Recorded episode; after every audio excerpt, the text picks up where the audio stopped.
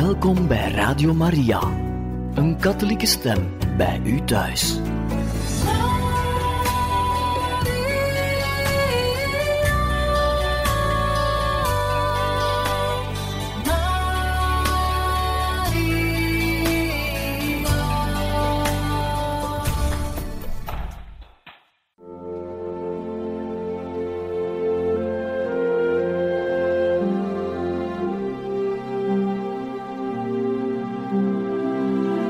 Beste luisteraars van Radio Maria, welkom bij het programma Catechismus.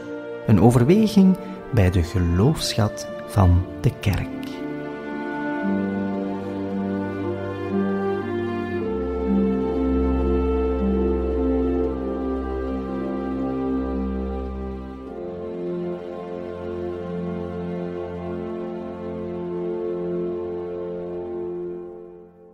Welkom, beste luisteraars, in het programma Catechismus, waar u vandaag kan verder luisteren naar een catechese-reeks gebracht door Pater Gerard Denis over het zesde hoofdstuk uit het Evangelie van de heilige Johannes, over Jezus, het brood des levens.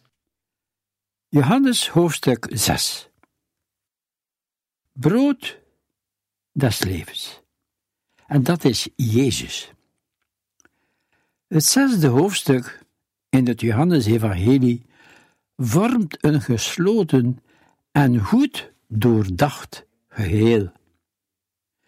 Jezus openbaart zich hier als brood des levens. Het brood dat leven heeft, het hoogtepunt van Jezus' optreden in Galilea. Eerst wordt het verhaal van het grote teken der spijziging van het volk verhaald. En daarna de wandeling van Jezus op het water. En vervolgens volgt een lange rede, waar Jezus de volgende dag de betekenis van het teken uitlegt. Het verhaal van de broodvermenigvuldiging bevat reeds alles wat Jezus de volgende dag in de broodrede zal verkondigen. Ook de reactie van de Joden daarop is reeds te merken in het verhaal van de spijziging. En nu gaan we de tekst wat verklaren. De wonderbare spijziging Johannes 6, 1, 15. Jezus gaat terug naar Galilea. Daar vond het eerste teken plaats, het wijnwonder te Cana. Hier gaat opnieuw een teken gebeuren, nu rond het brood. Tussen Jeruzalem en Galilea had Jezus levend water beloofd aan de Samaritaanse. Wijn, water, brood. Dus één wijn, twee water, drie brood zijn drie tekenen, drie omschrijvingen, drie beelden om te zeggen wie Jezus is wat Hij brengt, wat Hij de mensheid heeft in overvloed. Wat Hij brengt, wat Hij de mensheid geeft in overvloed. Men merkt dat het telkens gaat om een overstelpende hoeveelheid. Wijn in overvloed stromen van levend water en meer dan brood genoeg om vijfduizend man te verzadigen. Galilea is voor Johannes de uitverkoren plaats. Daar wordt Jezus gezien en herkend, 2.11. Daar zal nu een beslissende openbaring van Jezus plaatsvinden. Het hoogtepunt van Jezus openbaring in Galilea. Naar de overkant van het meer, wellicht een verwijzing naar de uittocht. Op weg naar de bevrijding trok het volk droogvoets door de Rietzee naar de overkant en later door de Jordaan naar de overkant om zo binnen te gaan in het beloofde land. Ook de berg die Jezus opgaat, vers 3, kan verwijzen naar de berg die Mozes beklom om God te aanschouwen. Exodus 24, 9 tot 10. Zee en berg kunnen hier geloofsaanduidingen zijn, verwijzingen naar de boeken van Mozes. Het nieuwe Mozes is hier. De geschiedenis herhaalt zich nu definitief en voorgoed. Jezus is als Mozes, de leider van het volk. Hij handelt in Gods naam en als dienst, dienst gezondene. Geheel Jezus verlossend optreden wordt door Johannes als een nieuwe exodus, uittocht, voorgesteld. Een nieuwe uittocht die de eerste onvergetelijke overtreft. Jezus is eindeloos meer dan de verbondstent. Exodus 40, 34. Want in hem woont de goddelijke Logos zelf onder ons. Jezus is natuurlijk meer dan Mozes, want door zijn genade en waarheid heeft hij de wet, waarvan Mozes maar de middelaar was, overtroffen. Jezus wordt, zoals de slang, in de woestijn omhoog geheven. Nummerie 21, 6, 9. Maar wie gelovig naar hem opkijkt, verkrijgt eeuwig leven. 3, 14. Hij stelt het manna in de schaduw, door het brood des levens dat hij zelf is. 6, 35. En schenkt, 6, 51. Hij heeft niet alleen water, gelijk de rots in de woestijn, maar hij verschaft stromen van levend water. Ja, Jezus, hij schenkt het manna in de woestijn. Hij stelt het manna in de schaduw. Door het brood des levens dat hij zelf is. En schenkt hij, heeft hij niet alleen water, gelijk de rots in de woestijn, maar hij verschaft stromen van levend water. Terwijl het paaslam de bevrijding uit Egypte in herinnering brengt, bewerkt Jezus door zijn kruisdood uiteindelijke bevrijding. 1936. Reeds hier laat de evangelist uitkomen dat de menigte Jezus volgt uit eigen belang en sensatielust, omdat zij de tekenen zagen die hij aan de zieke deed. Dus eigenlijk niet uit geloof. Reeds hier kan men de ongelovige reactie van de menigte na het wonder der broodvermenigvuldiging zien. Zij begrepen het teken niet. Vers 4. Het was kort voor Pasen, het feest van de Joden. Johannes is de enige die in zijn verhaal tijd aanduidt voor de broodvermenigvuldiging, kort voor Pasen.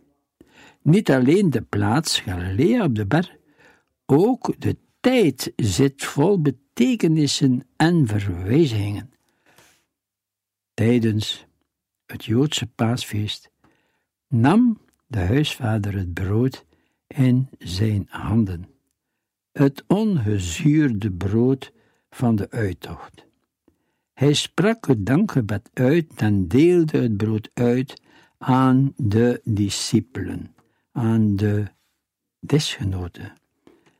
Jezus zal dit ook doen tijdens het laatste avondmaal, onder de Eucharistie. Hier op de oever van het meer wordt Pasen gevierd. Wat Jezus hier doet, herinnert aan het Pasen van de uittocht en ziet vooruit naar het paasmaal van Jezus op de avond voor zijn lijden. Vers 5 en 6.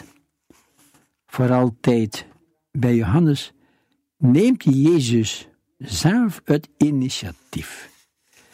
Hij heft de ogen op en ziet. Hij stelt zelf de vraag en hij zal ook zelf de broden uitdelen. Bij Marcus 6, 37 zijn het de leerlingen die het doen. Hij heft de ogen op en ziet. Dit herinnert aan het zien van Yahweh uit het Exodus-verhaal. God zag neer op de slaven en hij was met hen behaan.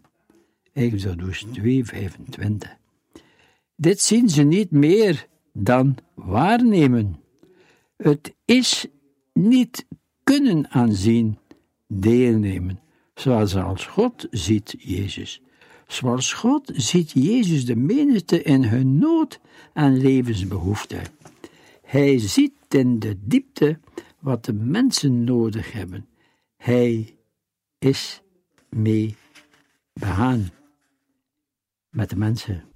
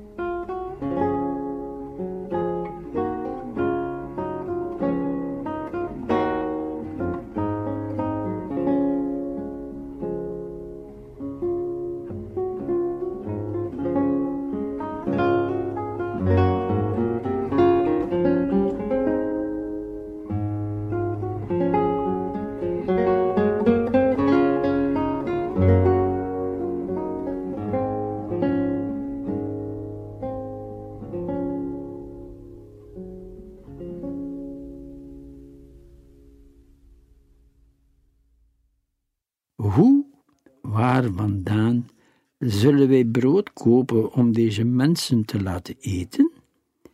Weer een herinnering aan Mozes in de woestijn. Waar haal ik het vlees vandaan voor heel dat volk? Nummerie 13.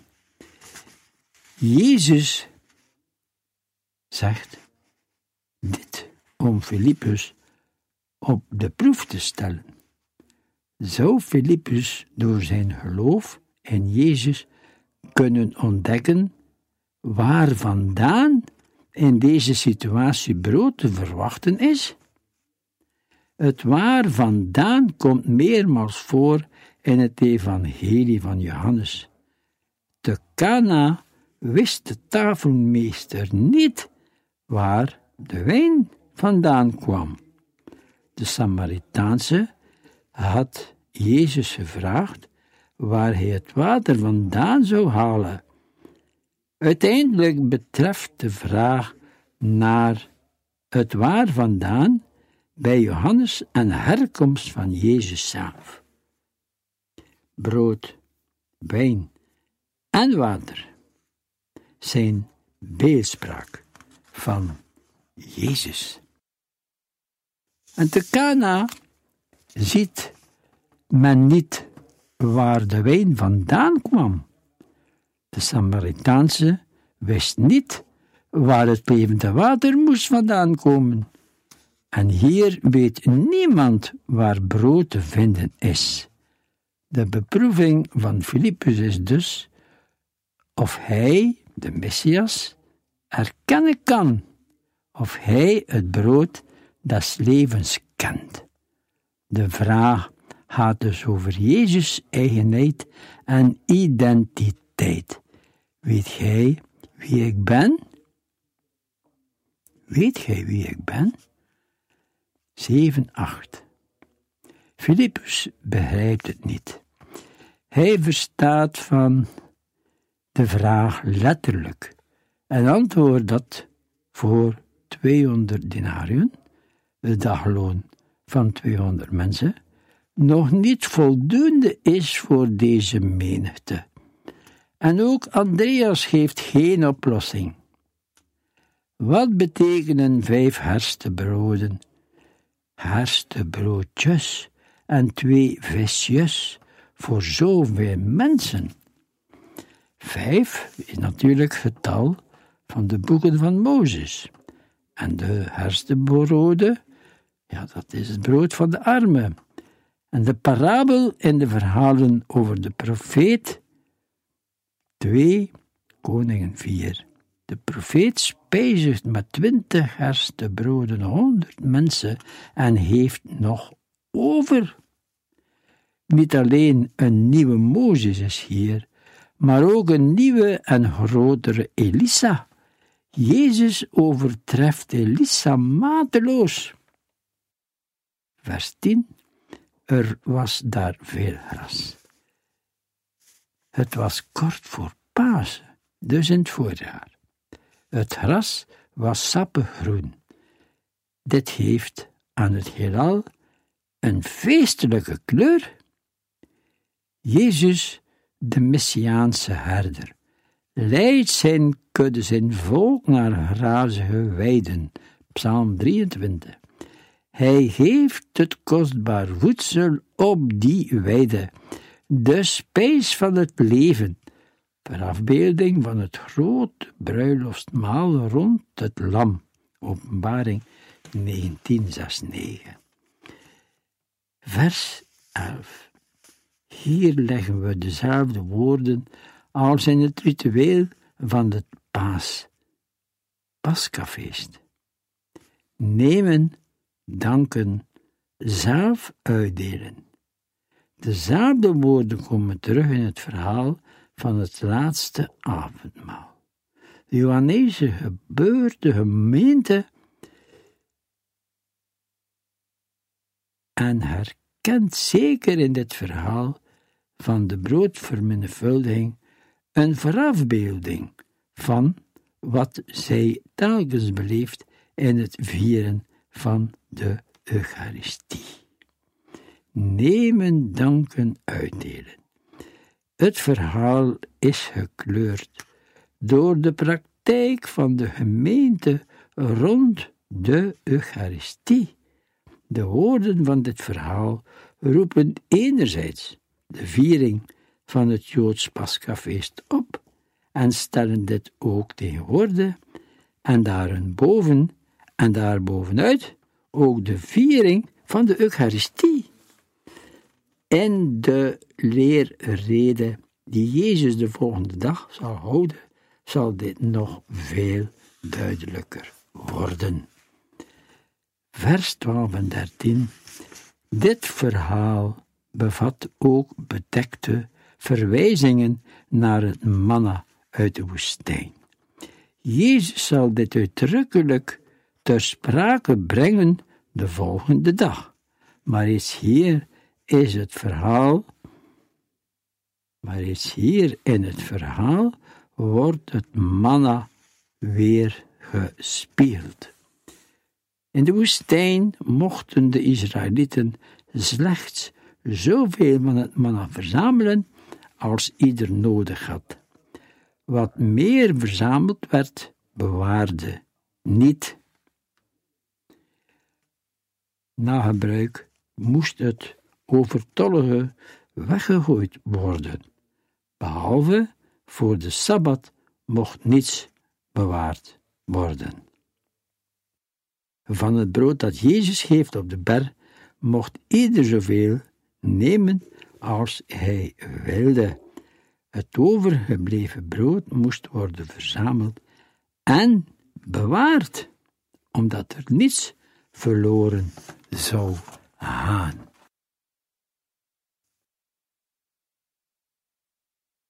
Bij dit brood gelden geen beperkingen. Er is overvloed, er is te veel. Dit teken is tweehonderd maal zo groot als dit van Elisa. Geen honderd, maar vijfduizend mensen. Geen twintig broden, maar slechts vijf. Hier is duidelijk een teken van de overvloed en de onverhankelijkheid van de Messiaanse tijd, die in Jezus aangebroken is.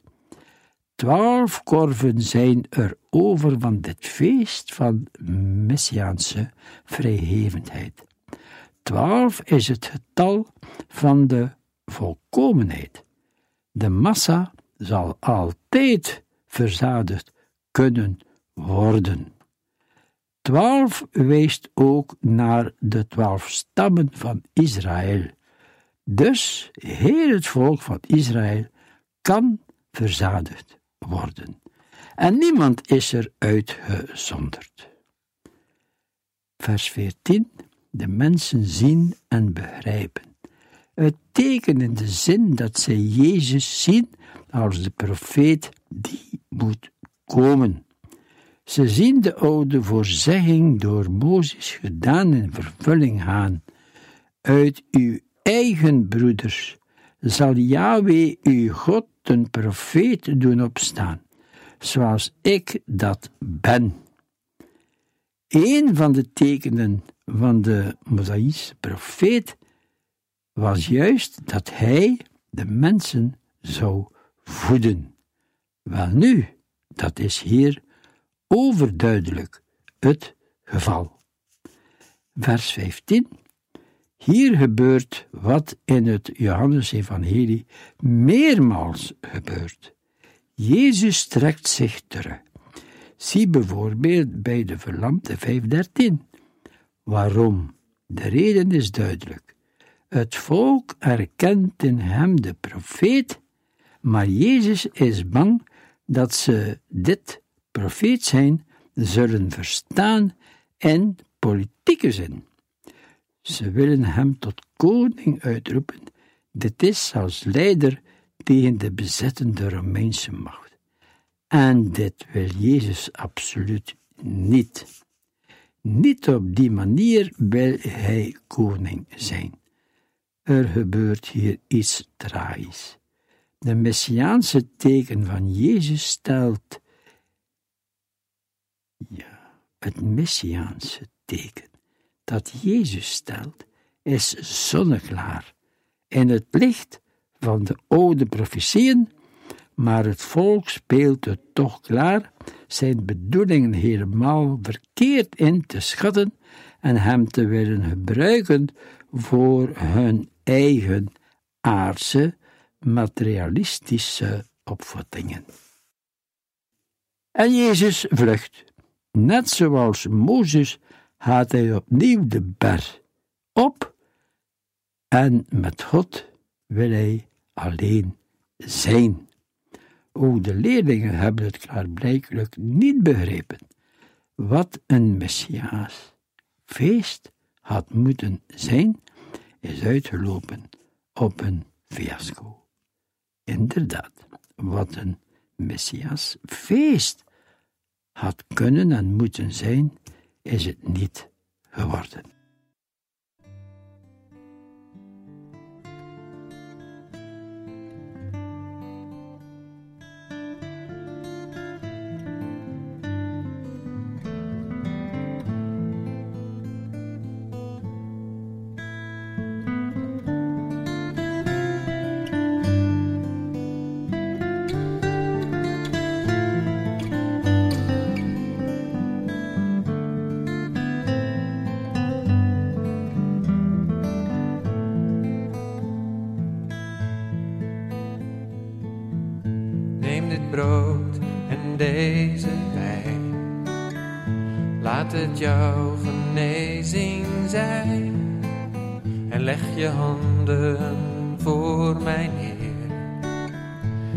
Vul ik ze met lof en eer.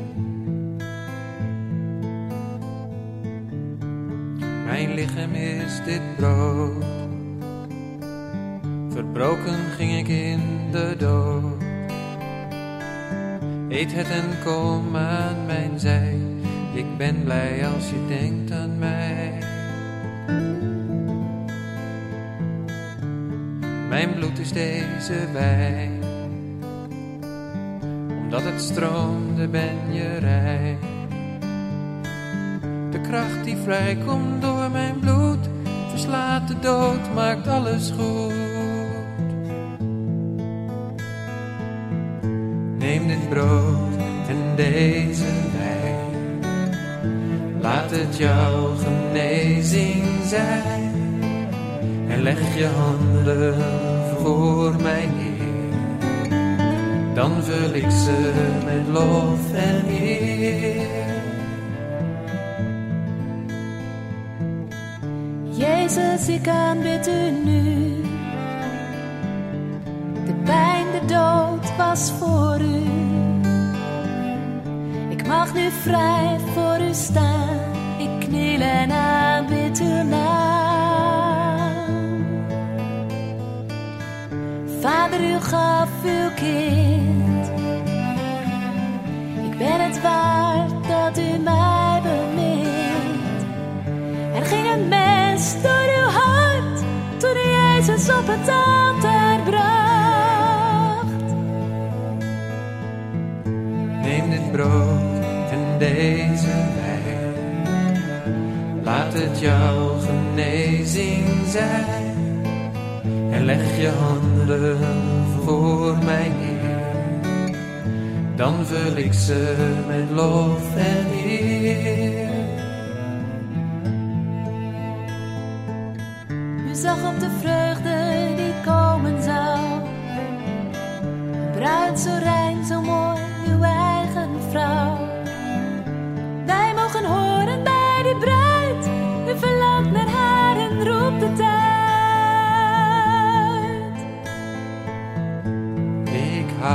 zoveel van jou.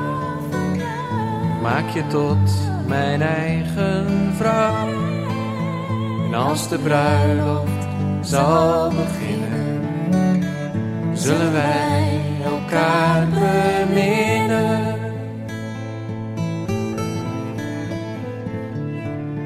Omdat ik van je hou, maak ik je tot mijn eigen.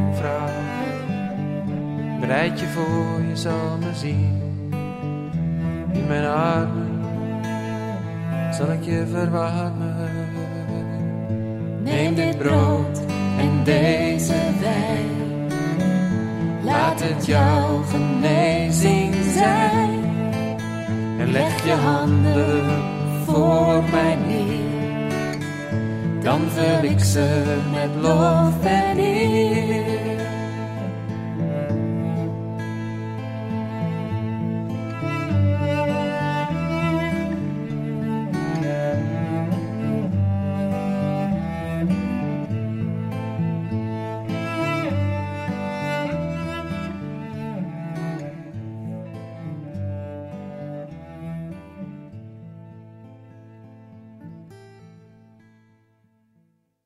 En tot zover deze catechese over Jezus, het brood des levens. Gebracht door pater Gerard Denis. Radio Maria wenst u een mooie dag toe.